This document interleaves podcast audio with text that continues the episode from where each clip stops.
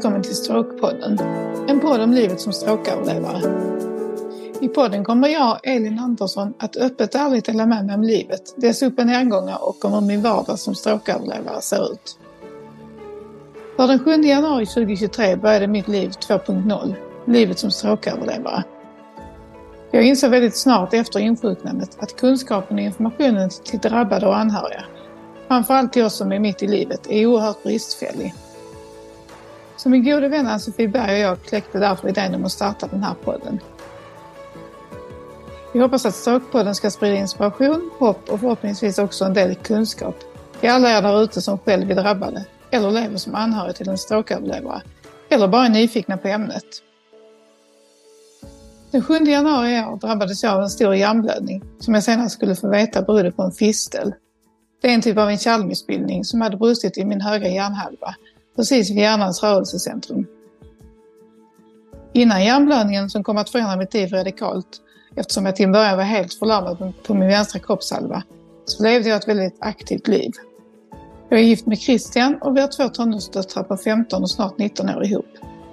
Vi bor i en en och en halv villa i Vellinge som är en liten ort en dryg mil söder om Malmö. Vi har en sibirisk katt, Samira, som är 10 år och en hund, Busse, som är en beagle som är fem år gammal. Jag har alltid älskat att röra på mig och jag har testat många sporter genom åren. Tennis, ishockey, innebandy, pingis, fotboll. Ja, det mesta som fanns att utöva när jag växte upp på 80 och 90-talet. Men de senaste åren har jag blivit mer eller mindre frälst av crossfit och jag tränade detta 4-5 gånger i veckan fram till den 7 januari i år, när mitt liv på ett sätt började om. Även långa promenader ute i naturen med vår hund såg jag till att få till mer eller mindre dagligen i mitt gamla liv. Om ni gillar det här avsnittet så får ni jättegärna dela det så att fler får chans att lyssna. Du kan också välja att följa eller prenumerera på podden så missar du inte när ett nytt avsnitt släpps. Vi hoppas att ni tycker att podden är intressant och vill lyssna.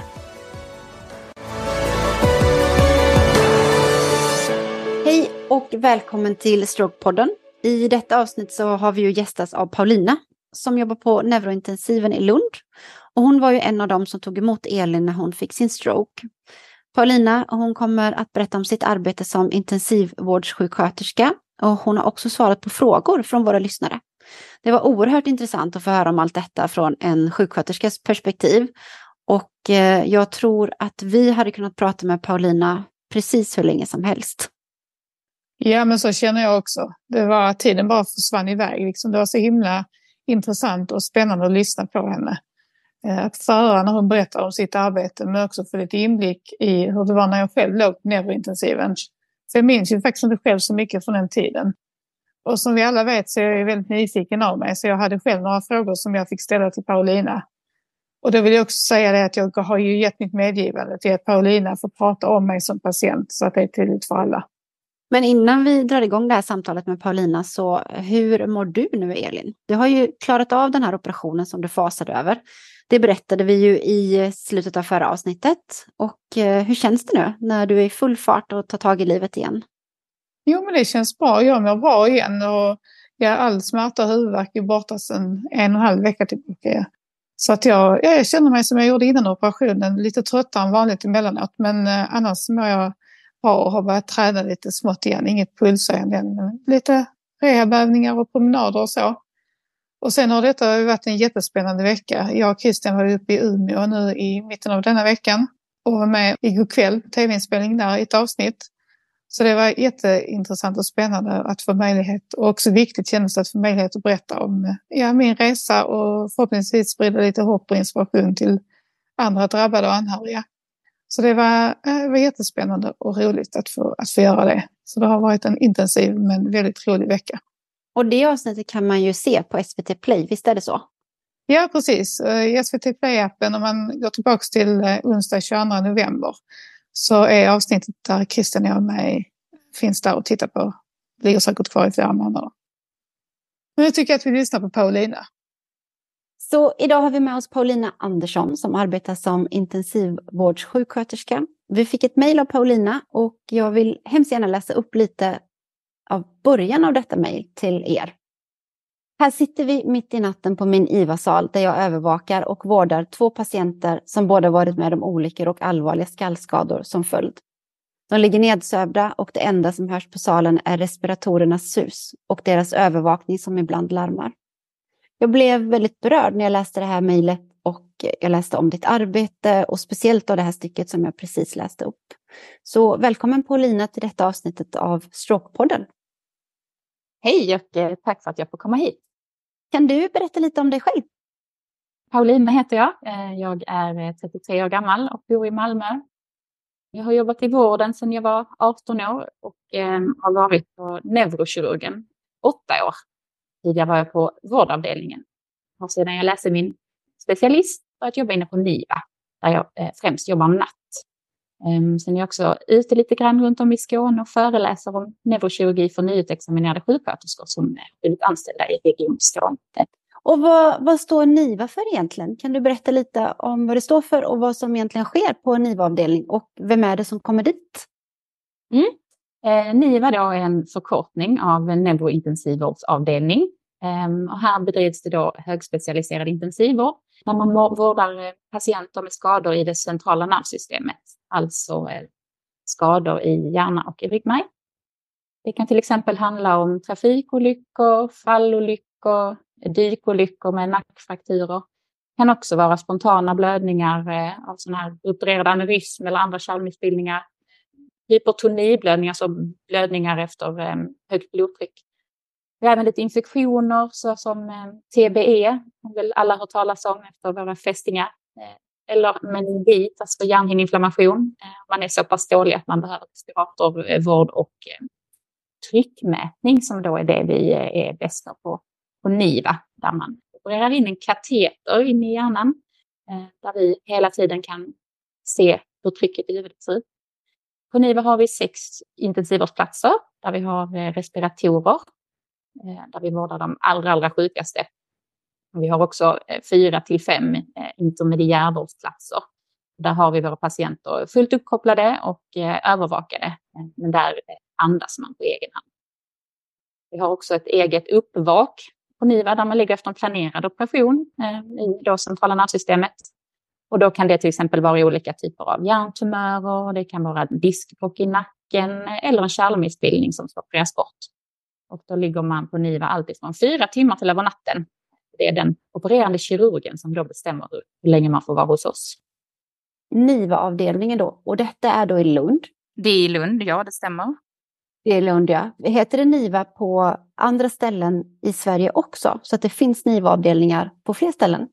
Ja, eh, det stämmer och det är ju som jag sa ett eh, högspecialiserat eh, område liksom så att det finns på våra universitetssjukhus och de ser ungefär likadana ut då? Ni hade sex platser. Har man, har man större avdelningar på kanske till exempel Stockholm eller Göteborg eller någonting sånt? Eller är de ungefär, det kanske inte du vet men?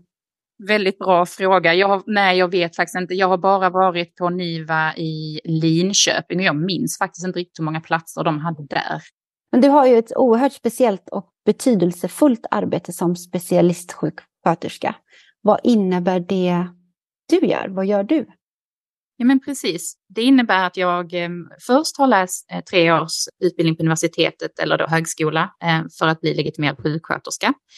Eh, för att sen bli intensivvårdssjuksköterska så behöver man ha jobbat, jag tror det är minst ett år nu. Eh, jag jobbade fem år innan jag sökte specialistutbildningen, kom in på den i Lund. Ehm, och då är det en magisterexamen och ett, ett års heltidsstudier då. Och som intensivvårdssjuksköterska så vårdar man de absolut sköraste och sjukaste patienterna på sjukhusen.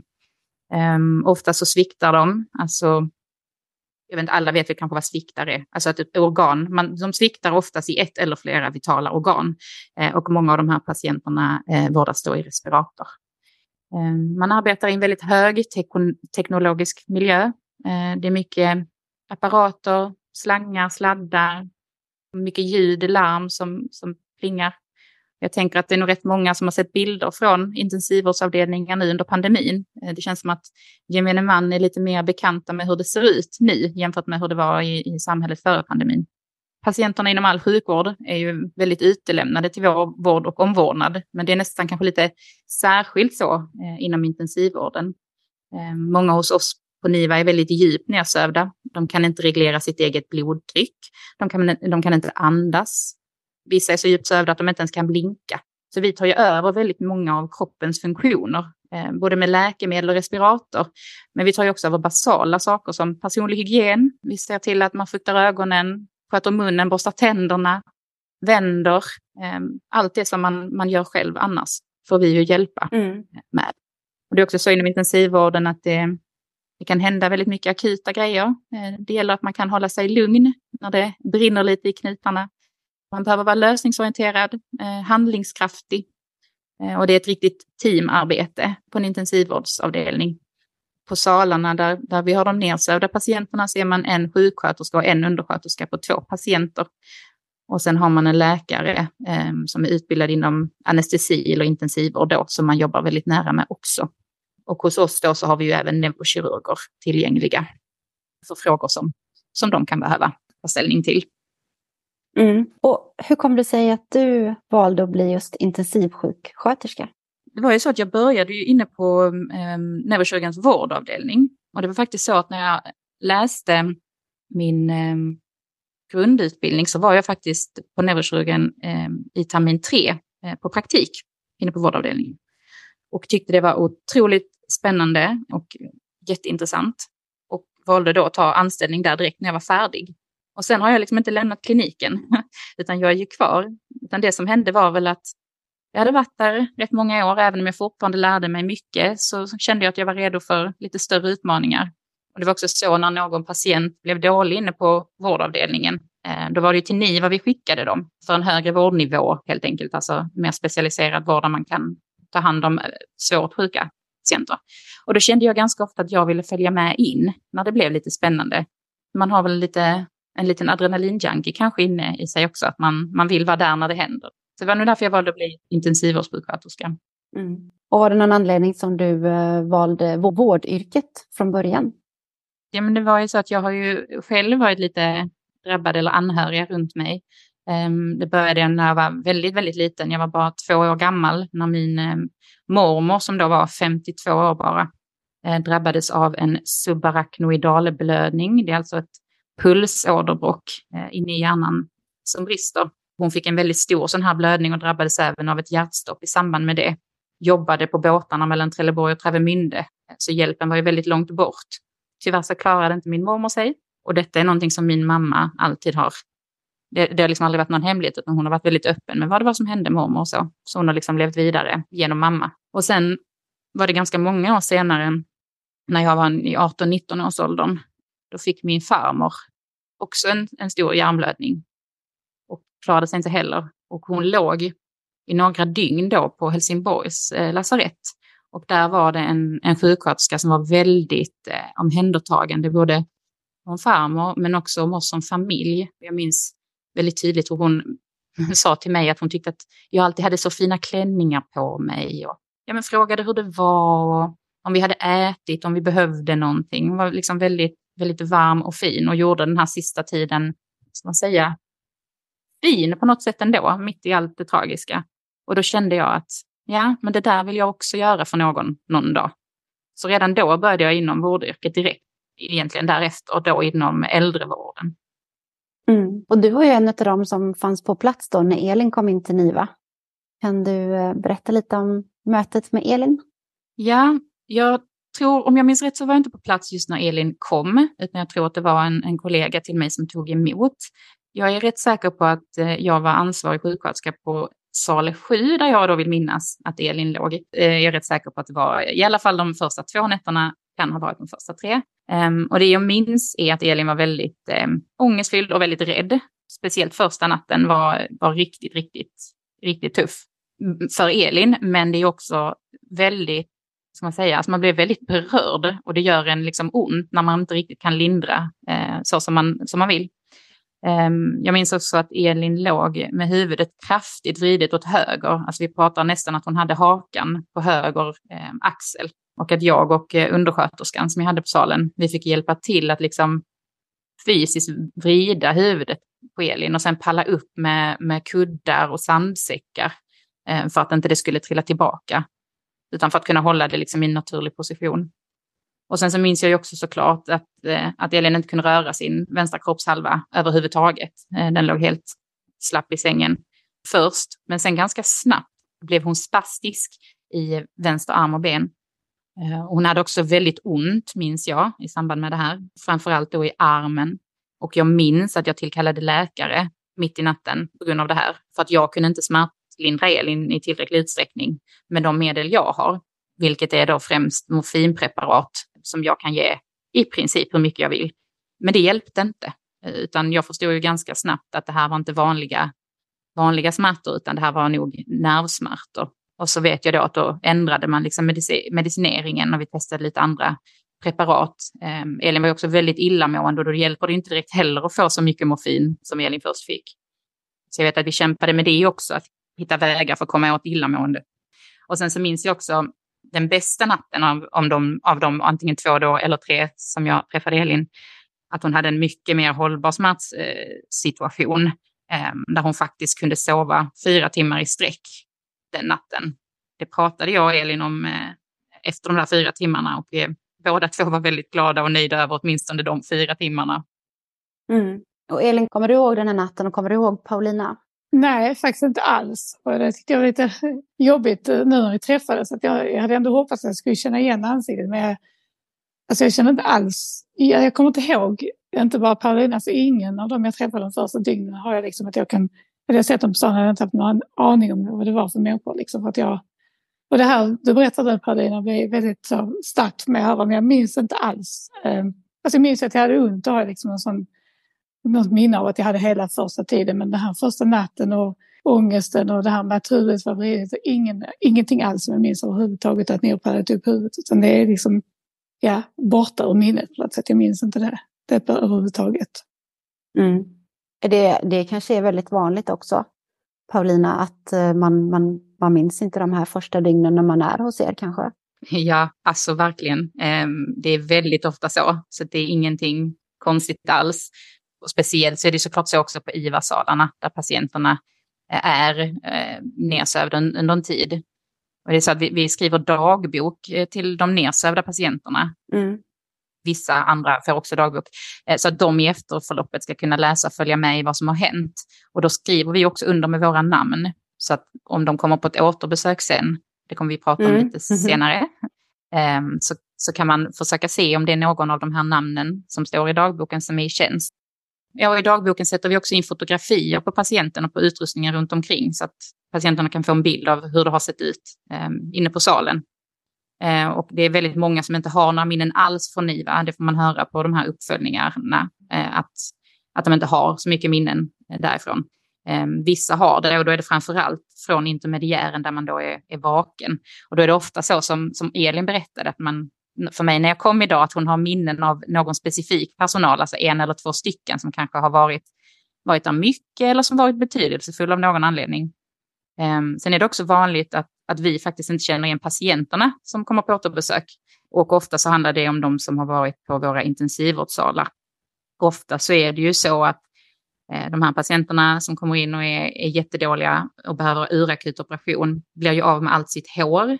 De har en massa förband på huvudet. De kan vara svullna, alltså så att ögonen är, man kan inte öppna ögonen på dem ens. Det är massa, som jag sa, slangar och sladdar och apparater. Och på något sätt så skymmer det lite grann hur man, hur man ser ut. Så ofta är det faktiskt så att vi känner igen anhöriga först och sen kan man känna igen patienten då i relation till den anhörig som man känner mm. igen. Mm. Och hur betydelsefullt är det för er som arbetar och kanske få träffa era patienter igen? Ja men alltså det är ju det är en så häftig känsla, verkligen. Och det, och det är en häftig känsla att träffa alla patienter, men någonstans så blir det ju extra värmande och extra fint när det är någon som det har gått, gått bra för. Mm. Senast jag såg den här patienten kanske så rullades den ut på en ambulansbår.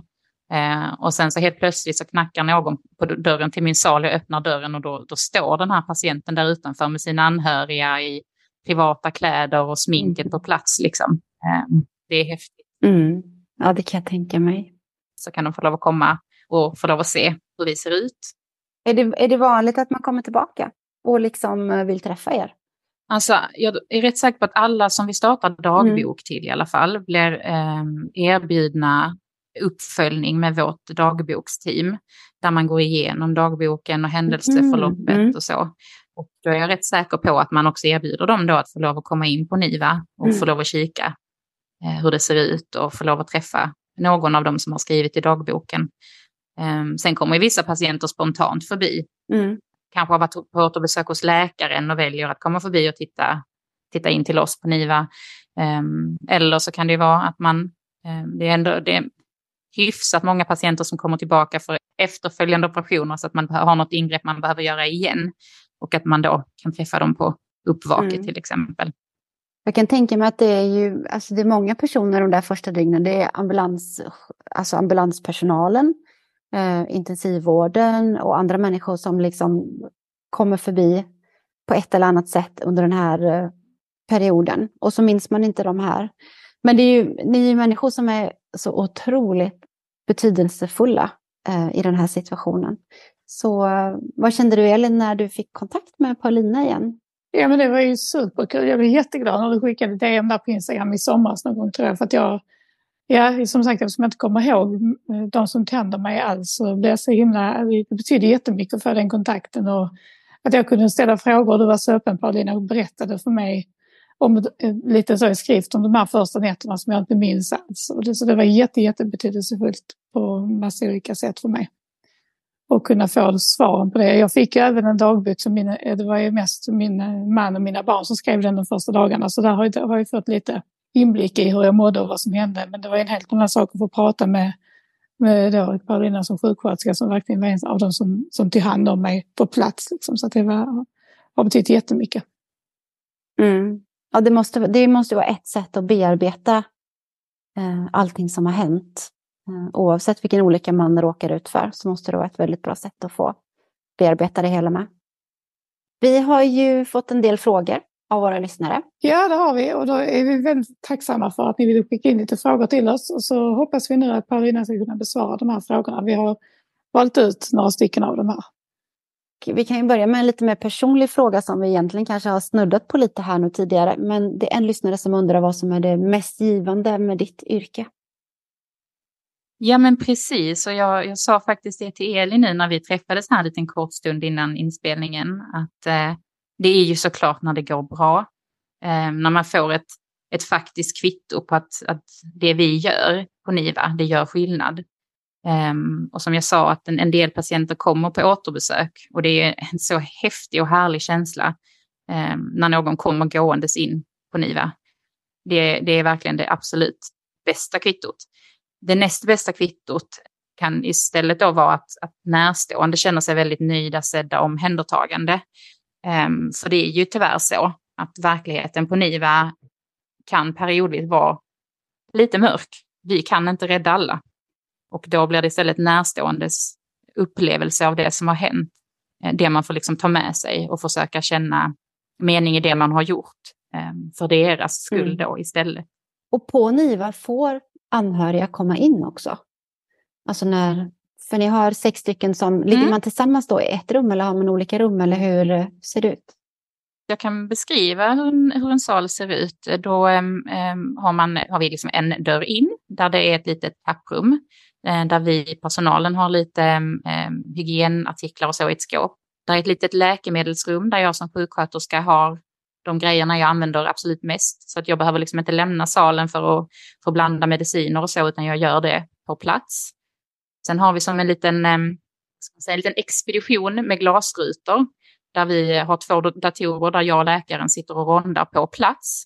Och eh, då är det liksom öppet sen in på salen med glasrutor. Där ligger det då två intensivvårdspatienter och då har de fötterna mot varandra. Liksom. Så så ser det ut på intensivvårdssalarna, att då ligger de två och två. Mm. Och sen på intermediären, där Elin eh, var, så finns det ju fyra eller fem platser, så då kan man ju ibland då ligga tre stycken på en sal. Och då är det också så att man har eh, fötterna mot en person och sen så kan man då ha en bredvid sig också om det är fullbelagt.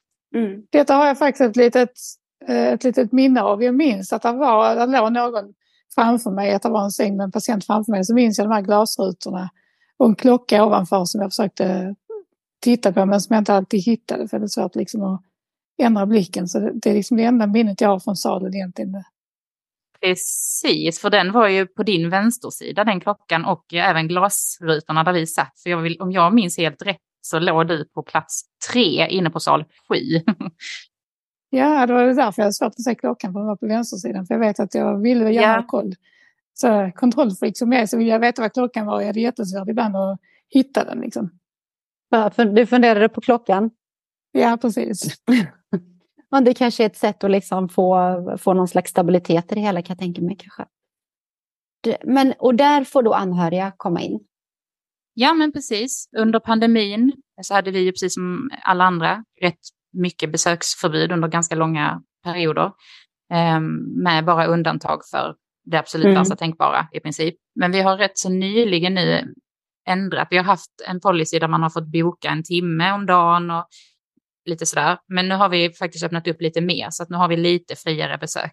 Jag, jag vill inte säga exakt hur det är, för det är också lite så att det finns undantag. Det är så här, finns det barn? Är det ett barn som ja. är patient? Och är det annorlunda regler? Är man nyinsjuknad så är det lite mm. annorlunda regler för det. Så behöver man av någon anledning besöka någon hos oss så är det absolut bästa är att ringa. Eh, alla anhöriga får eh, ett direktnummer som går direkt in på salen till den ansvariga eh, sjuksköterskan och undersköterskan som tar hand mm. om deras närstående. Som de kan ringa på 24 timmar om dygnet. Så bokar mm. man, bestämmer besöken där. Men, men de är mm. rätt så liberala. Och Elin var ju då, hon var endast 44 år gammal när hon drabbades av en stroke. Är det vanligt att ni har så unga patienter? Mm. Ja, alltså jag nämnde det precis lite kort att vi faktiskt vårdar barn också. Gör vi. vi vårdar barn från, jag tror det är ungefär 25 kilo, så det är ändå relativt små barn. Sen är det också så att jobbar man som jag gör på NIVA så har man en liten snedvriden bild av hur många som drabbas av stroke. Och hos oss vill jag också säga att hos oss är det framförallt blödningsstroke, alltså hemorragisk stroke säger vi, eh, som kommer till oss. De som får ischemisk stroke, alltså en propp, kommer väldigt sällan till oss, eh, utan de vårdas ju på neurologen, som är en annan, mm. en annan klinik än oss. Um, så det vill jag också ha sagt, för det, här, det kommer också rätt många frågor lite om, om proppar här, att, att jag kommer göra lite skillnad på blödningar och eh, proppar eftersom propparna väldigt sällan är hos oss. Men jag kollade lite siffror med tanke på den här frågan, hur vanligt mm. det är då att man är så ung. Och då såg jag att ungefär 30 000 personer eh, får stroke i Sverige per år. Och av dessa så är det bara en fjärdedel som är under 70. Så att då får man väl ändå säga mm. att det är mm. väldigt ovanligt. Sen så fick jag också, eh, hitta jag lite siffror på eh, skillnaden mellan proppar och blödningar. Där det skiljer sig lite i, i åldersgrupperna då, där det är hos, hos yngre personer. Så är det cirka, av alla då som får stroke så är det cirka 55 procent som är proppar och 45 procent som är blödningar. Medan hos de äldre då eh, så är det ungefär 85 procent som får en propp och bara 15 procent som får en blödning. Okej. Okay. Och hur upplever du det då när det kommer in väldigt unga personer med stroke? På NIVA då vårdar vi från barn till hur gammal som helst. Det finns liksom ingen övre eh, satt åldersgräns. Sen är det alltid så att det är fruktansvärd tragedi för varje familj när något sånt här händer oavsett eh, hur gammal patienten är. Men någonstans så är det väl också kanske så att det känns lite mer naturligt kanske, eh, om man får uttrycka sig så, inte eh, på något sätt låta okänslig, men att det är mer rimligt att det är en 85-årig sjuk människa som drabbas av en stroke, än att det är någon då som i Elins fall, 44 år gammal, som har väldigt mycket av livet framför sig med familj, arbete och massa roliga saker som man ska hinna med. Så det är klart att det känns lite extra hjärtat när det är barn och unga människor som drabbas. Mm. Alltså, så är det. Det tycker jag. Hur eh, bearbetar du själv allt som du får uppleva på ditt arbete? Nej, men det är en, en bra fråga. Eh, och jag vill nog börja med att, att säga att vi är en otroligt fin arbetsgrupp på NIVA. Jag har de absolut bästa kollegorna som man bara kan tänka sig. Vi är, finns alltid för, där för varandra, både när det gäller att hjälpa till när det händer saker och vi behöver vara, vara många. Men också att prata igenom saker i efterhand. Vad var det som hände? Hade vi kunnat göra någonting annorlunda? Var det någonting som gick fel? Vad tar vi med oss? Sen har vi också en um, sjukhuspräst som kommer till oss någon eftermiddag i, jag minns inte riktigt hur ofta det är, men som då samlar personalgruppen och så sitter vi och ja, diskuterar det vi känner behov av att prata om tillsammans mm. med honom. Och har det hänt någonting exceptionellt så kan man kalla ihop till sån här debriefing, alltså att man, man sitter ner alla som har varit med om den här händelsen och diskuterar mm. igenom den. Så att man känner att man har fått ut det. Och sen skulle vi behöva extra stöd i någon händelse så har vi ju företagshälsovård där man kan få mm. samtal och så. För det ska vi också komma ihåg att vi som jobbar där, vi är också helt vanliga människor som blir berörda. Och... Precis. Det är ju ett stort arbete som ni gör, men det är ju också ganska tungt. Det är tunga saker att bära på mm. ibland. Mm. Det är det och eh, jag vet att jag har sagt det ibland när vi sitter där att men man mm. behöver ha vissa förmågor tror jag ändå att kunna copa. Liksom. Att man behöver ha några förmågor att kunna hantera sådana här grejer mm. för att orka. Alltså man måste ha strategier för att, eh, att någonstans ändå kunna släppa jobbet på jobbet när man går hem, för att annars går man under. Mm. Det, det, är jag helt säker på mm. också, att det här, det här yrket är fåtal människor i världen som mm. klarar av och kan göra och göra det så ja. bra. Mm. Vad eh, är det som orsakar ökningen av stroke bland unga? Om vi går tillbaka till det lite. Mm. Eh, vet du det? Jag kan säga att jag var faktiskt först lite ovetandes till när jag fick den här frågan. Tänkte jag, jaha, mm. är det så? Mm. För att, eh, så är det också att jag är bra på mitt jobb, men jag kan absolut inte allt. Så jag fick ju gå tillbaka till böckerna lite här. Och det jag kunde hitta då var att, att det stämmer att stroken hos unga ökar i Sverige. Det man kan se är att dödligheten i stroke har minskat. Eh, man har också sett att förekomsten av stroke hos äldre, alltså i åldersgruppen 65 till 84, har minskat. Men förekomsten i åldersgruppen 15 till 44 har ökat. Och vad jag då kunde hitta i, i litteraturen och eh, några artiklar så var man liksom inte riktigt helt överens eller har inte riktigt kunnat, kunnat klarlägga vad det beror på. Man har lite teorier. En teori var att diagnostiseringen har blivit bättre, alltså att vi är bättre på att hitta, att upptäcka stroke helt enkelt. Man hade också någon eh, teori om att, eh, den, att vi har en mer utbredd inaktiv livsstil eh, nu än vad vi hade förr. Det förekommer mer eh, fetma i samhället. Och det vet inte jag riktigt eh, om jag kan, kan säga och, att det beror på det, men, men en inaktiv livsstil, det vet vi, det ökar risken för stroke i alla fall. Så att Kanske kan det vara en mm. förklaring. Och nästa fråga är då om man kan förebygga på något sätt. Och då om du säger en inaktiv livsstil, ja då vet vi ju alla egentligen hur vi före, hur, vad vi ska göra för att förebygga. Men är det någonting annat sådär som, som eh, kan vara bra? Absolut. Rökning är ju en av de absolut eh, största riskfaktorerna eh, för att få en stroke. Och det gäller både för blödningsstroke och för propp. Och likaså den inaktiva livsstilen förmaksflimmer, alltså en, en hjärtåkomma som man kan ha. Eh, diabetes typ 2, högt blodtryck, eh, alkoholöverkonsumtion och låg aktivitetsnivå är också då riskfaktorer. Så att sluta röka, äta bra, röra på sig, begränsa sitt alkoholintag. Det är saker som man kan göra själv för att minska mm. risken. Relativt enkla saker är det ju kanske inte. Det, ju, det vet man ju att det inte är lätt att sluta röka och att ändra sin livsstil. Men det är ändå saker man kan det är saker man kan göra själv i alla fall, så att man, eh, som, som vi alla kan göra. Ja, men precis. Så är mm. det. Sen tittade jag också lite på, på lite yngre, alltså vi pratar nästan ner mot, mot barn då som ju också drabbas av stroke. Och där var det lite andra eh, riskfaktorer. Och där var det mer eh, eh, bakomliggande sjukdomar, alltså att, att, att, barnet har någon medfödd hjärtsjukdom, någon sån här koagulationssjukdom, alltså blodets förmåga att koagulera sig, att man har någon rubbning i det. Det finns vissa systemsjukdomar, trauma som de varit med om någon olycka, infektioner också en riskfaktor. Och sen läste jag också någonstans att vattkoppor eh, tycks vara en riskfaktor. Eh, jag hittar inte så mycket mer fakta om det, men eh, det, det, stod i litteraturen för mm. barn då. Vi har ett samarbete med Strokeförbundet. Strokeförbundet har som uppgift att skapa bättre levnadsvillkor för de som fått en stroke och för deras anhöriga. Detta gör förbundet genom att skapa opinion, påverka samhälle samt politik. Det handlar om att informera om stroke och dess symptom, särskilt hur man förebygger och upptäcker när någon drabbats av en stroke. Det är mycket viktigt att få en diagnos tidigt så att behandling kan sättas in så snart som möjligt. Förutom att Strokeförbundet är en medlemsförening för dig som är strokeöverlevare eller anhörig så samlar de inom ramen för Strokefonden in gåvor som bland annat stödjer Strokefondens forskning om stroke och dess konsekvenser med drygt 4 miljoner årligen. Vill du vara med och bidra? Gå in på strokeförbundet.se. Där kan du skänka en gåva och själv bli medlem. Vi har ett samarbete med Optima Rehab. Behöver du rehabilitering? Optima Rehab erbjuder intensiv rehabilitering i Spanien. I tre veckors tid, fem dagar i veckan, sex timmar per dag tränar du med specialister inom rehabilitering. Du tränar med fysioterapeuter, arbetsterapeuter och neuropsykologer. Har du problem med talet så får du träna med en logoped.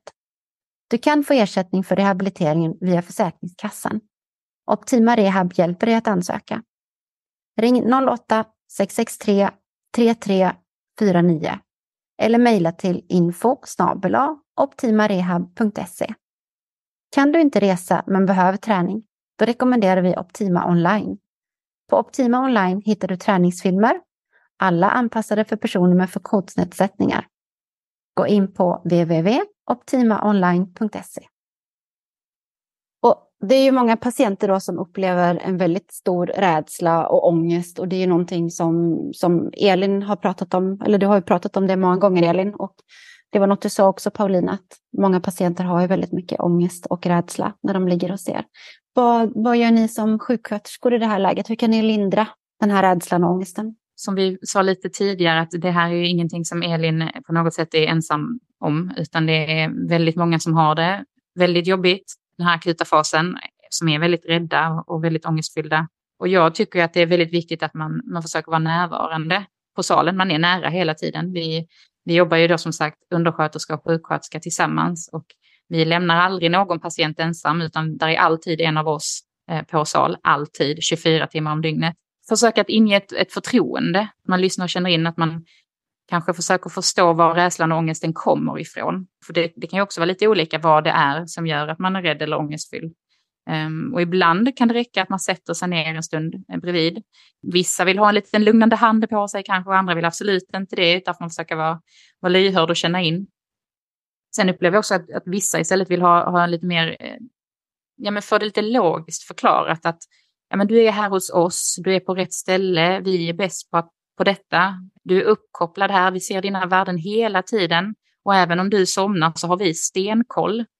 Det, här händer det ingenting utan att vi märker någonting. Vi ser dig och vi ser din övervakning hela tiden. Och sen är det ju också så att nu pratar vi om, om en, en akut händelse och då tycker jag också att det, att man kanske ja, men, tar emot hjälpen lite som erbjuds även i form av, av faktiskt läkemedel. Att det kan vara så att ångesten är så, så stor och ohanterbar att man behöver få något ångestdämpande eller lugnande för att liksom på något sätt landa igen. Mm. Och Elin, du var, det var ju en sak som du har sagt, du var ju alltid rädd för att somna där i början, för att du trodde du inte skulle vakna igen. Är det någonting, är det vanligt? Alltså, man ska också komma ihåg att, att en hel del av patienterna hos oss är medvetande påverkade. Alltså de är inte helt vakna oftast. Eh, kanske inte orienterade mm. riktigt till, till tid och rum, eh, plats, eh, situation. Vissa kan inte uppge sitt personnummer och så heller. Och då kan jag tycka då är det lite svårare att, att förstå. Om de då är oroliga och har ångest, då är det lite svårare att, att bemöta den för att man inte riktigt vet var den kommer ifrån. Men till exempel om vi då tar Elin istället så var hon ju helt vaken och helt orienterad. Alltså hon visste var hon var någonstans. Hon kunde säga sitt namn och personnummer och hon kunde också förklara sin rädsla och rädslan då för, för att, att somna. Och jag har hört det förr från andra patienter, rädslan för att somna. Men jag, jag, vill nog inte säga att det är jättevanligt, just den, utan det, då är det nog mer en, en generell ångest och oro som är det vanligaste. Mm. Är det vanligt att man drabbas återkommande av stroke? Alltså att, att man har drabbats av en stroke och kommer in till er och att man då kan få flera efter varandra en, under en kort tidsperiod? Ja, den här frågan är väl en av de som jag tyckte var lite svår att hitta svar på, mm. för det här är ingenting som jag har hört om. Um, och sen vårdar vi ju då främst de som får blödningsstroke. Och de som får proppar ligger på neurologiavdelning. Så där är de nog bättre än mig eh, på att svara på det. Hos oss är det nog i så fall om man tänker den här, jag nämnde det kort att min mormor drabbades av en subarachnoidalblödning där man har ett sånt här pulsåderbråck som brister.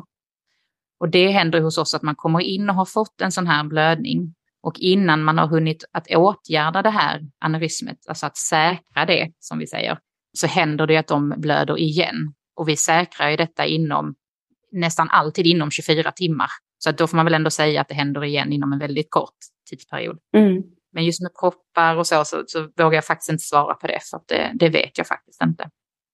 Nej. Och om man en gång i livet har råkat ut för en stroke, det här är nog också kanske svårt att svara på kan jag tänka mig, men om man en gång i livet har råkat ut för en stroke, ligger man då i någon riskzon och blir drabbad igen?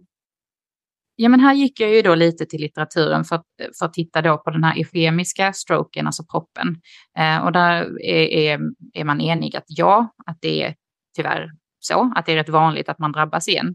Eh, speciellt då om man har tydliga riskfaktorer med sig som man då kanske inte har åtgärdat utan som då finns kvar. Vi pratade ju lite grann om dem innan med livsstilsfaktorer och bakomliggande sjukdomar och sådär. Och tittar vi lite till exempel på blödningar som är orsakade av eh, obehandlat högt blodtryck eh, så är det ju då såklart viktigt att man, att man blir insatt på sina blodtrycksmediciner som man då behöver, att man går på sina kontroller och att man faktiskt tar sina mediciner så att man inte fortsätter gå runt med ett jättehögt blodtryck för då är ju risken att det händer igen. Sen nämnde jag innan de här aneurysmen då som, som kan brista, att man då kan ju blöda igen innan det är säkrat. Men vi åtgärdar aneurysmen skyndsamt och det är ju för att undvika just detta, att det ska hända igen. Och sen är ju det någonting man, man följer upp också och det gör man ju med andra, andra kärlmissbildningar också. Det finns ju andra sorter, bland annat då Elin och hennes, hennes eh, kärlmissbildning som man ju har följt på henne just för att hålla koll på det. Mm och att man kan åtgärda det liksom, så att det inte ska kunna hända igen.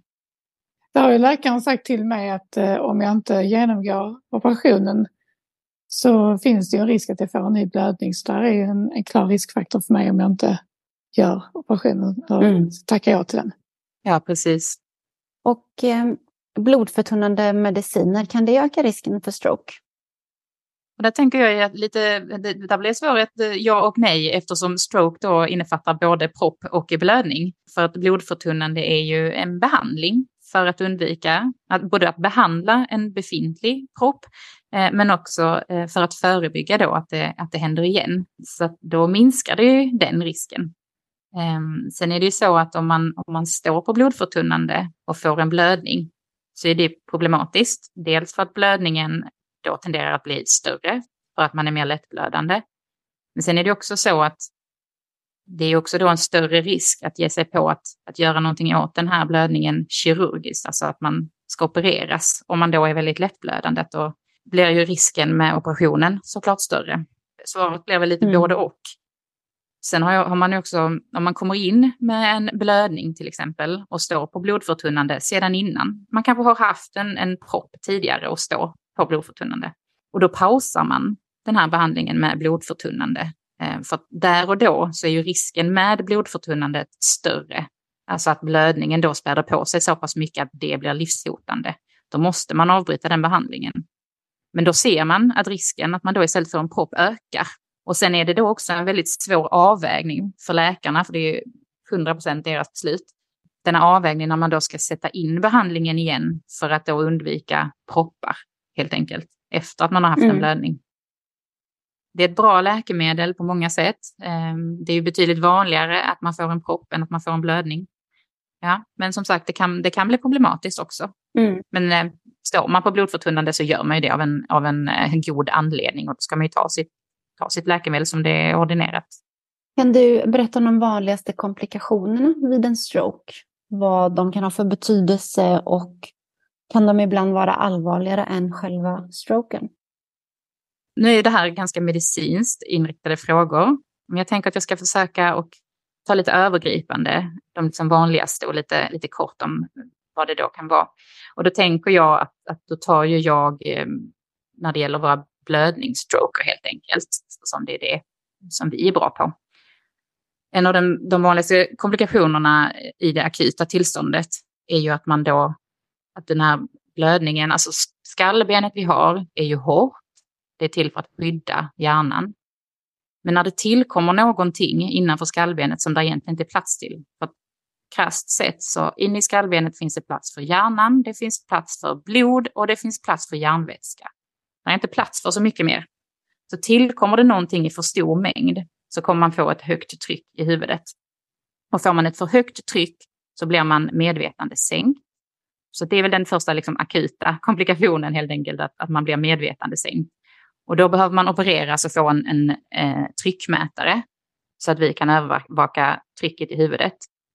Och sen har vi då olika sätt vi kan sänka trycket på. Man kan till exempel dränera ut vätska ur hjärnan för att ge mer plats. Eh, vi kan söva patienten med läkemedel väldigt, väldigt djupt. Då får man också ner trycket i huvudet. Sen är det här en hel, man kan ha en hel föreläsning, en hel dag om vad vi gör på NIVA för att få ner trycket i huvudet. Så jag tänker att vi lämnar det lite där och så tar vi några andra komplikationer istället. Eh, då tänkte jag berätta om en komplikation eh, som heter vasospasm. Och eh, det är en ganska vanlig och farlig komplikation efter subarachnoidalblödning, som vi har pratat om nu lite, den här, det här pulsåderbråcket som, som brister. Då hamnar liksom blodet på utsidan av kärlen. Så våra artärer, våra kärl med syrerikt blod, de vill ha blodet på insidan. Det är det kärlet är gjort för. Det är inte gjort för att ha blodet på utsidan. Så att man kan enkelt förklara eh, det med att blodet liksom repar kärlen och gör att de krampar eller spasmar. Alltså de drar ihop sig.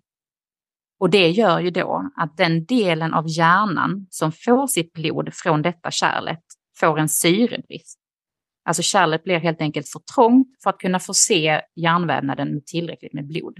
Och det vi då gör för att eh, övervaka och ha koll på detta och göra någonting åt det är att de allra flesta som får en subarachnoidalblödning hos oss de får en liten mikrodialyskateter eh, in i hjärnan också, förutom den här tryckmätaren som många får. Och där kan vi analysera vätskan i, i eh, huvudet varje timme. Alltså det, man, det är en vätska som, som reagerar liksom med själva hjärnvävnaden. Och de här värdena som vi får när vi analyserar den här eh, kan visa på avvikelser som då kan tyda på att det, det förekommer en sån här spasm. Eh, vi har också personal på NIVA som kan utföra en doppler Alltså att man med ett ultraljud kan eh, kolla på flödena i några av de större kärlen i huvudet. Och ett högt flöde i kärlet tyder ju på ett trångt kärl. Du har en mängd vätska som ska igenom någonting. Och om du helt plötsligt halverar diametern på det som vätskan ska igenom, men det är samma mängd vätska, så förstår man ju att flödet måste vara högre för att samma mängd vätska ska kunna komma igenom. Så så kan man då se det på, på den här eh, dottlon. Eh, har vi vakna patienter så, eh, så upptäcker man eh, ofta spasm på att de helt plötsligt får nytillkomna neurologiska bortfall. Alltså att de blir eh, kanske tilltagande trötta jämfört med vad de varit innan. Eh, det kan komma, tillkomma en svaghet i någon extremitet eller liknande. sen så kan man då också göra röntgenundersökningar för att konstatera att så är fallet. Hos oss behandlar vi alla de här patienterna förebyggande det gör vi med ett läkemedel som heter Nimotop som vidgar kärlen och vi ser till att de är välfyllda med vätska för man tänker sig att man vill hålla liksom kärlen öppna med ett bra flöde. De får gärna ha lite högt blodtryck, det går jättebra. Och har vi en, en spasm, en konstaterad spasm, eh, då kan man via röntgen, då går man ner på röntgen och går upp med sådana här katetrar i ljumsken och där kan man mekaniskt vidga det här kärlet Eh, och sen kan man också, eller behandla lokalt med ett kärldilaterande läkemedel som man då sprutar direkt eh, där spasmen är. Och sen kan detta behöva upprepas både en och flera gånger tills liksom patienten har tagit sig ur den här fasen. Man brukar säga att det är ungefär från dygn 3-4 efter blödningen och så upp till dag cirka 14. Och sen var det en fråga om, om de här komplikationerna kan vara allvarligare än själva stroken. Om vi då tittar just på subarachnoidalblödningar som är den vanligaste strokeblödningen hos oss. Ja, en av två i alla fall. Alltså jag vet att förr hände det att, att patienter avled av spasm. Men idag har vi väldigt stora möjligheter att upptäcka och att faktiskt göra någonting åt det i tid. Eh, och då vill jag nog påstå att själva blödningen som är direkt livshotande, det är en ganska hög mortalitet. Jag tror att den är, beroende på vilka studier man tittar på, så någonstans 27 till 44 procent avlider av blödningen. Så då får man väl nog ändå tycka att, att blödningen är allvarligare än vad spasmen är. För den kan vi faktiskt upptäcka och göra någonting åt. Blödningen har ju redan hänt. Den kan vi liksom inte ta tillbaka. Och då har vi en, en annan eh, eh komplikation som man kan få efter eh, en hjärnskada eller en blödning. Är att man kan få för lågt natrium i blodet.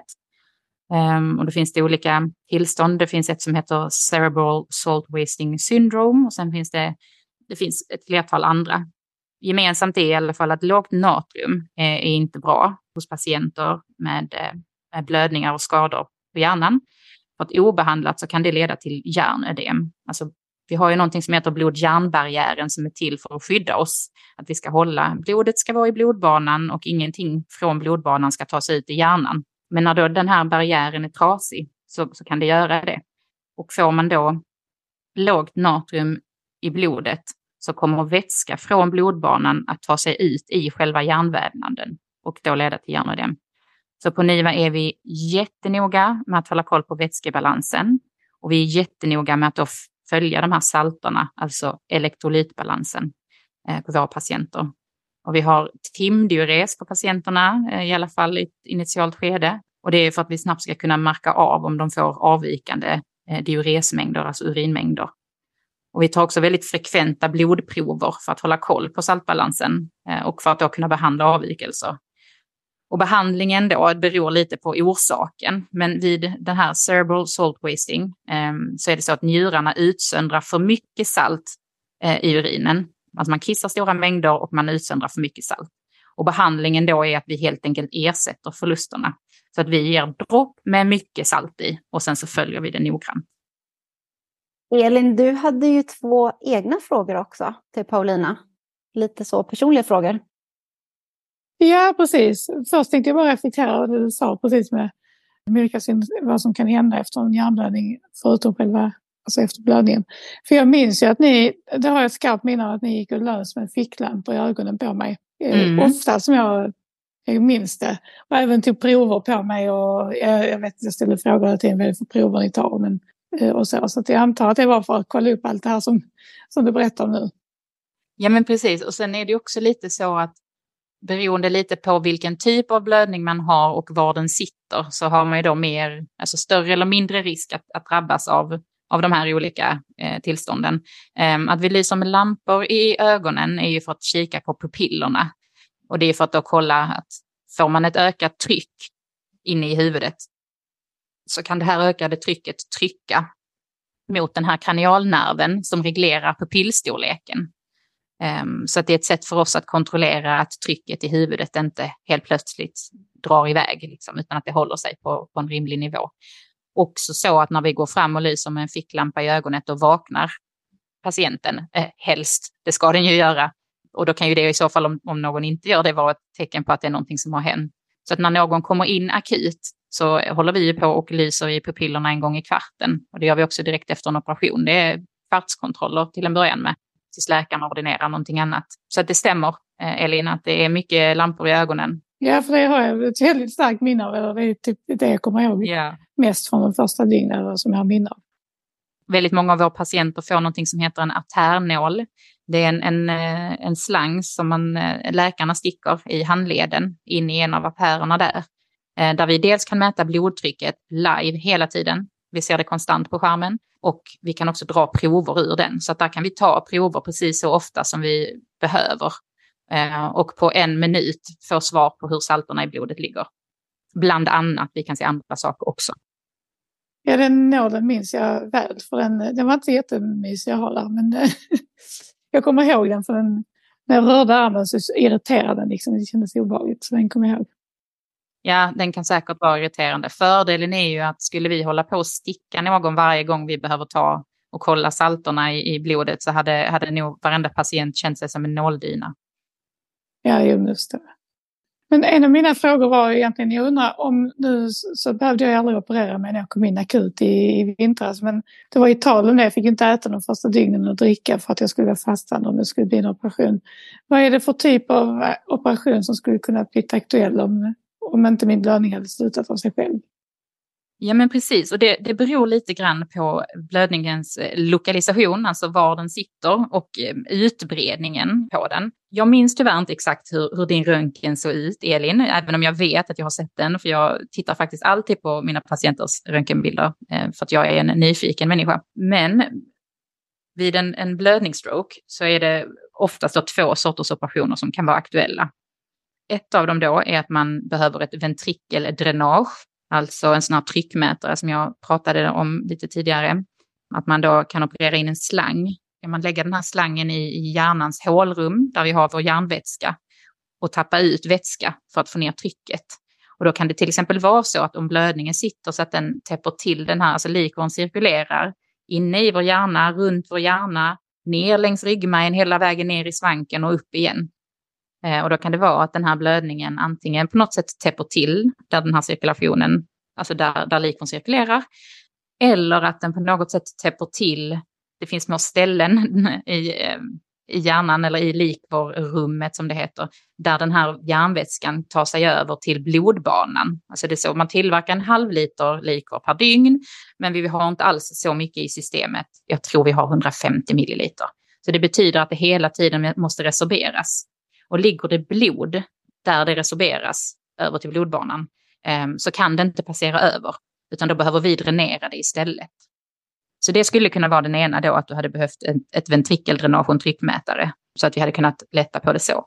Det andra alternativet är att, att det är själva blödningen som, som tar så pass mycket plats att den börjar trycka på, på viktiga strukturer. Och då hade man helt enkelt behövt operera ut själva blödningen. Sen kan det vara lite komplicerat beroende då på var det sitter. För att man har ju då hjärna där blödningen är också. Och beroende på vilken typ av blödning det är och var den sitter så är det inte alltid eh, att man vill ta ut blödningen om man inte absolut måste. För att man får ju med sig även frisk hjärnvävnad. Och det vill vi ju inte, vi vill ju rädda varenda, varenda nervcell som vi kan. Men det är väl de två typerna av, av operation då som eh, hade kunnat vara aktuell. Och som sagt så vet jag inte vilken av dem som hade varit aktuell för dig Elin, men, men någon av de två i alla fall. Att antingen eh, få hjälp med att dränera ut eh, järnvätska eh, eller att utrymma själva blödningen. Ja, intressant att höra. Nej, jag minns ju att läkarna var inne och pratade med mig. Och jag minns särskilt en läkare som inte minns namnet eller ansiktet heller, men han sa det att här i Lund är vi väldigt glada för att operera, men vi, vi vill helst slippa operera dig. Så att, det, jag minns så väl det uttrycket, för att det satte sig någonstans. Ja, och då tänker jag någonstans, och om man då tänker också på besvären som du har kvar idag, alltså din svaghet i vänster sida, att, att det var i ett viktigt område och att då vill man inte ta bort mer vävnad därifrån utan att du ska kunna ha kvar de funktionerna som har klarat själva blödningen. Mm. Sen undrar jag också hur, hur själva liksom beredskapen och förberedelserna går till. Eh, du ser på NIVA när ni får reda på att en patient då, som jag i det här fallet kommer med en hjärnblödning från ett annat sjukhus till er. För som jag har förstått så har man en typ av akutteam som liksom förbereder sig på, på ankomsten. Stämmer det? Mm. Ja, men det, det, det, ser lite olika ut och det beror lite på, på vilken väg man har in. Så att här har jag faktiskt en, en fråga tillbaka till dig, men du svarade lite på det nu att du kom från ett annat sjukhus. Eh, så att jag tänkte fråga var, var ambulansen körde dig först därifrån, från gymmet. Var, var hamnade du först? Jag hamnade i Trelleborg först och det är den liksom, sjukhuset som är närmast mig. Så det mm. var där jag hamnade, där tror jag de gjorde en CT-röntgen, om jag minns, eh, en sån skiktröntgen på mig. Och sen så såg de då, direkt att det var en hjärnblödning och då var det rutin att köra vidare till blod. Ja men precis. Nu går ju inte vi på NIVA, lämnar liksom inte NIVA och är iväg på larm, men om jag får gissa vad jag tror då så har man ju larmat in dig som ett rädda hjärnan-larm. Alltså när ambulansen kommer ut, träffar dig, ser hur du mår, eh, vilka funktioner du inte har där och då. Alltså, du var väl, om jag minns rätt så hade du väl tappat funktionen i vänster sida redan då va? Jag tror det. Jag minns inte detta själv, men jag Nej. tycker att de har sagt att jag har gjort det mer eller mindre. Precis. Ja, så sannolikt så har man tagit det då som ett rädda hjärnan-larm i Trelleborg och det är därför man då också sannolikt väldigt snabbt, alltså det, då står det ett team redo när du kommer in då till Trelleborg så står det redan, du behöver liksom inte vänta, det är ingen kö, utan man tar dig direkt in och skyndsamt eh, efter att du har blivit mottagen då på ett akutrum sannolikt, så ser det ut i Lund i alla fall, att man skyndsamt gör en röntgen för att kolla, är det här en propp eller är det här en blödning? För då har vi lite olika vägar att gå liksom. Um, och då har man ju sett där på röntgen att där är en blödning och då ringer den läkaren som är ansvarig för patienten dig då i det fallet, eh, ringer ju då till vår vår jour, vår neurokirurgjour. Uh, och då länkar man bilderna. Vi har faktiskt samma system, eh, som de behövs inte ens länkas, utan då går vår neurokirurg in och ser röntgenbilderna och beslutar då att, att eh, du behöver komma till NIVA. Och sen är det också lite beroende på hur pass dålig man är, eh, om man behöver direkt till vår operation. Alltså ibland kan det vara så att patienten som har den här blödningen är djupt medvetslös redan på sitt hemortslasarett. Då kör man inte ens inom NIVA till oss, utan då är det raka vägen in på operation som gäller i de allra flesta fall. Och annars då så, så ring, ringer de, då ringer jouren till mig, kanske om jag är drift. Vi har alltid en driftsansvarig eh, på NIVA eh, som ansvarar för patientplatserna och personal och lite sådana liksom praktiska grejer. Och så eh, säger han att eh, jag har en patient i Trelleborg som behöver komma hit. Och så får vi ett personnummer eh, och får veta var, varifrån patienten kommer. Och ehm, då går driftsansvarig ut till det teamet som ska ansvara för patienten och meddelar det direkt. Den här patienten är på väg. Och sen oftast så ringer också eh, personalen eh, som har haft hand om patienten då på hemortslasarettet, ringer till oss som ska ta emot på NIVA och ger en rapport och berättar lite om patienten. Finns det några andra sjukdomar i bakgrunden? Eh, vad är det som har hänt? Vad vet vi? Hur åker patienten? Ja, patienten åker i en ambulans prio 1, alltså blåljus. Så har vi en liten tidsuppfattning också. Och oftast innan patienten anländer så har vi förberett allt vi behöver för att ta emot. Alltså man stämplar ut lite remisser för provtagning och, och sådana grejer. Förbereder platsen där, där patienten ska vara. Man pratar ihop sig med sin undersköterska och informerar och, och så. Och sen när det ringer på entrédörren och ambulansen är där så, så står vi liksom påklädda med, med förkläden. och eh, ja, flyttar över och gör en första bedömning. Och eh, ringer också in läkare eh, som skyndsamt kommer för en bedömning. Och kikar och så. Gör man upp en plan utefter hur patienten mår. Det kan vara så ibland att eh, det är väl lite så eh, när information passerar väldigt många människor att det ibland inte blir helt rätt utan att man, man kan få en rapport på att en patient är väldigt medvetande sänkt, alltså att man förväntar sig att få en väldigt dålig patient. Och sen så kommer en patient som mår betydligt bättre. Eh, och det är ju glädjande. Men ibland är det också tyvärr tvärtom, att man får rapport på att det ska vara en, en vaken, pigg orienterad patient, men så kommer det någon som är betydligt sämre än vad man, man trodde och då får man vara handlingskraftig och ordna det logistiska och kanske omdirigera. Man har tänkt att den här patienten ska vara på intermediären, men vi märker ganska snabbt att det här är en patient som vi behöver intubera, som är, är för medvetandesänkt. Då får man snabbt tänka om och planera om och, och hantera situationen. Liksom. Hur fungerar samarbetet mellan de olika professionerna inom IVA? Jo, men vi har ett väldigt bra fungerande samarbete. Ehm, som jag nämnde innan så är man väldigt nära med sin undersköterska på SAL. Det är liksom vi som, som gör all, all omvårdnad och ganska stora eh, stunder på dygnet så är det vi som är på salen endast. Att det är liksom undersköterska och sjuksköterska. Um, så att vi har ett väldigt fint och välfungerande samarbete och NIVA hade inte fungerat två timmar utan sina undersköterskor. Ehm, sen har vi våra duktiga läkare också såklart, eh, där vi har eh, anestesi-IVA-läkare som eh, kommer och rondar och så på salarna. Och sen har vi då våra neurokirurger som är tillgängliga och ehm, blir in, involverade i det de behöver bli involverade i. Ehm, vi har också en övergripande rond på morgonen där alla yrkesgrupperna är representerade, där man går igenom planeringen för patienten och om det är några undersökningar och så man behöver göra. Och ska man gå iväg med en intensivvårdspatient på en röntgen så är det en ganska stor apparat och då är det också flera yrkeskategorier inblandade och ja, alla hjälps åt för att se till att det blir så säkert som möjligt. För det är, det är bland det farligaste vi gör på NIVA. Det är att lämna NIVA med våra intensivvårdspatienter. Ehm, så det är väldigt viktigt med ett välfungerande samarbete för att kunna göra det så säkert eh, som det bara går. Sen har vi fysioterapeuter eh, som kommer när vi eh, behöver dem. Sen är det också så att en del av våra patienter som är nedsövda har problem med högt tryck i huvudet. Och då kan det vara så att initialt kan vi inte ens vända patienterna i sängen och då är inte fysioterapin direkt läglig där och då. Utan det blir, eh, blir lämpligt lite längre in i vårdtiden. Till exempel så har vi en sängcykel tillgänglig där patienter som fortfarande ligger kanske i respirator men där trycket i huvudet eh, har blivit stabilt Då kan de passivt få lov att cykla så att då spänner man helt enkelt fast fötterna på dem på en, på en liksom cykel och så cyklar den. Så att patienten gör inget själv utan det är själva maskinen som, som gör att de cyklar. Så får man liksom ett rörelseuttag i benen. Man kan ju tänka sig själv att om man ligger pall i en säng i, säg, två veckor och inte kan röra sig själv och inte ens andas själv, att man blir ju stel.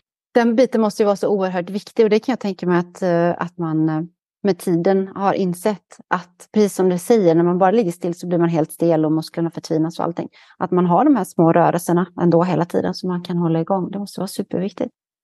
Ja, men precis. Och även innan sängcykeln kanske är, aktuell eh, så kan vi som personal göra rörelseuttag alltså på patienterna så att vi eh, tar i armar mm. och ben och, och liksom ser till att man böjer upp och sträcker ut och, och, och så. Och det gör vi även på patienter som då eh, inte kan röra eh, sig själva men som är vakna. Att då hjälper vi till att röra i den sidan mm. som de inte kan röra själva. Så att, att man får en, en liksom, mm. rörelse i den ändå trots att man inte kan det själv. Får ni återkoppling från patienter och anhöriga för att kunna ändra eller förbättra vården? Är det någonting som ni får mm. eller finns det på något annat sätt man kan ge den återkopplingen? Det händer. Det som är absolut vanligast som i alla fall når, som jag upplever har nått mig, så är det främst faktiskt den positiva feedbacken. Och det är ju alltid roligt såklart. Och då är det rätt vanligt att vi får brev eller vykort eller liknande eh, skickat till oss av eh, patienter eh, eller anhöriga. Och om man då tänker sig om det skulle vara något som inte är bra så har jag nog inte hört så jättemycket om det från anhöriga eller patienter. Men däremot så upptäcker vi ju en hel del ja, misstag, jag vill kanske inte ta i, men risker. Att det har funnits saker som hade kunnat innebära en risk. Um, och då är vi, vill jag påstå, rätt duktiga själva på att man skriver en avvikelse. Um, och sedan har vi då en som hanterar alla avvikelserna och ser till att det blir en utredning och en uppföljning uh, på det som då har Eh, har varit en risk eller ett tillbud helt enkelt. Finns det något sätt att ge återkoppling? Ja, men det finns det. Dels så blir de absolut flesta patienterna kallade på ett återbesök hos läkare. Där kan man såklart eh, ge återkoppling. Sen har vi den här dagboksuppföljningen som man blir erbjuden att komma på om man vill, där man också kan få möjlighet att återkoppla. Sen kan man också direkt kontakta den vårdinstansen man var hos och fick vård till exempel då via mail till den som är enhetsansvarig på enheten. Så det är bara att kolla på Region Skånes hemsida. Sen så finns ju även patientnämnden och också IVO om det man har, har feedback på, alltså om det är något negativt som man, man vill driva vidare helt enkelt. Så är det patientnämnden eh, eller IVO som man vänder sig till. Och det tycker jag man ska göra om man, om man tycker att det har skett misstag eller fel i vården. Och innan vi avslutar så här så undrar vi om det är någonting som du vill dela med dig till oss och till våra lyssnare. Ja, men då tänker jag att jag vill uppmana alla att medan man är frisk och välmående och i sina sinnesfulla bruk, att våga ta upp diskussion med sina nära och kära om hur man ställer sig till organdonation. Och det tycker jag man ska göra oavsett om man eh, är positiv eller om man är negativ till det. Det är liksom aldrig för tidigt att ha den diskussionen, utan det kan ju vara så att en dag så bara vänds allting helt upp och ner och så står man där med den värsta krisen där någon man älskar och håller kär inte längre lever, men ligger i respirator då och fortfarande intensivvård. Och så får man frågan av läkarna, hur ställde sig eh, Pelle till, till organdonation? Vad var hans önskan? Och så har man aldrig någonsin lyft den diskussionen. Och så står man där och ska kunna svara på det. Så jag tycker att man, man, man tar den diskussionen eh, så att man vet, så behöver man inte stå där och fundera och tveka. Och eh, man kan ta ställning på donationsregistret om man vill det. Eh, då behöver man inte heller egentligen ta upp det med sina anhöriga, även om jag kan tycka att det är en god idé att göra det också. Ehm, sen måste man inte eh, registrera sig i registret, utan man kan istället prata med sina närstående och, och förmedla sin önskan via dem. Mm. Det är inte alla riktigt som hänger med heller i det här med liksom vad det är och vad det innebär. Alltså att det man också ska veta är att, att ens då nära kära som ligger där och som då skulle kunna donera sina organ, valet man har att välja mellan är ju att den jag älskar och håller kär avlider eller den jag älskar och håller kär avlider och donerar sina organ. Mm det är de två valen, det, det, är inget, det finns liksom inget tredje, utan döden är ju är redan inträffad. Liksom. Så det är oundvikligt. Då är det antingen möjligheten till att rädda andra eh, eller att inte göra det. Och sen är det viktigt också att komma ihåg att det är inte, om jag är närstående så är det inte min vilja om den jag håller kär ska donera eller inte, utan jag ska förmedla min anhörigs åsikt. Alltså hur ställer sig min anhörig till att donera sin organ? Mm. Då vill vi tacka dig så hemskt mycket Paulina för att du ville vara med idag och också för det fantastiska arbete som du och dina kollegor gör på NIVA. Stort tack för att jag fick lov att komma hit. Det har varit, eh, varit fint. Och så vill vi tacka våra lyssnare såklart som har tagit sig tid att skicka in frågor till oss och så får vi höras i nästa avsnitt. Vill ni följa med mig på min resa så finns jag på Instagram och där heter jag Elin Strokefighter. Och där på Instagram så delar jag med mig av min rehabilitering och min träning och mina utmaningar i vardagen. Eh, ni får gärna mejla mig också på mejladressen elinstrokefighter.gmail.com. Vi hörs i nästa avsnitt.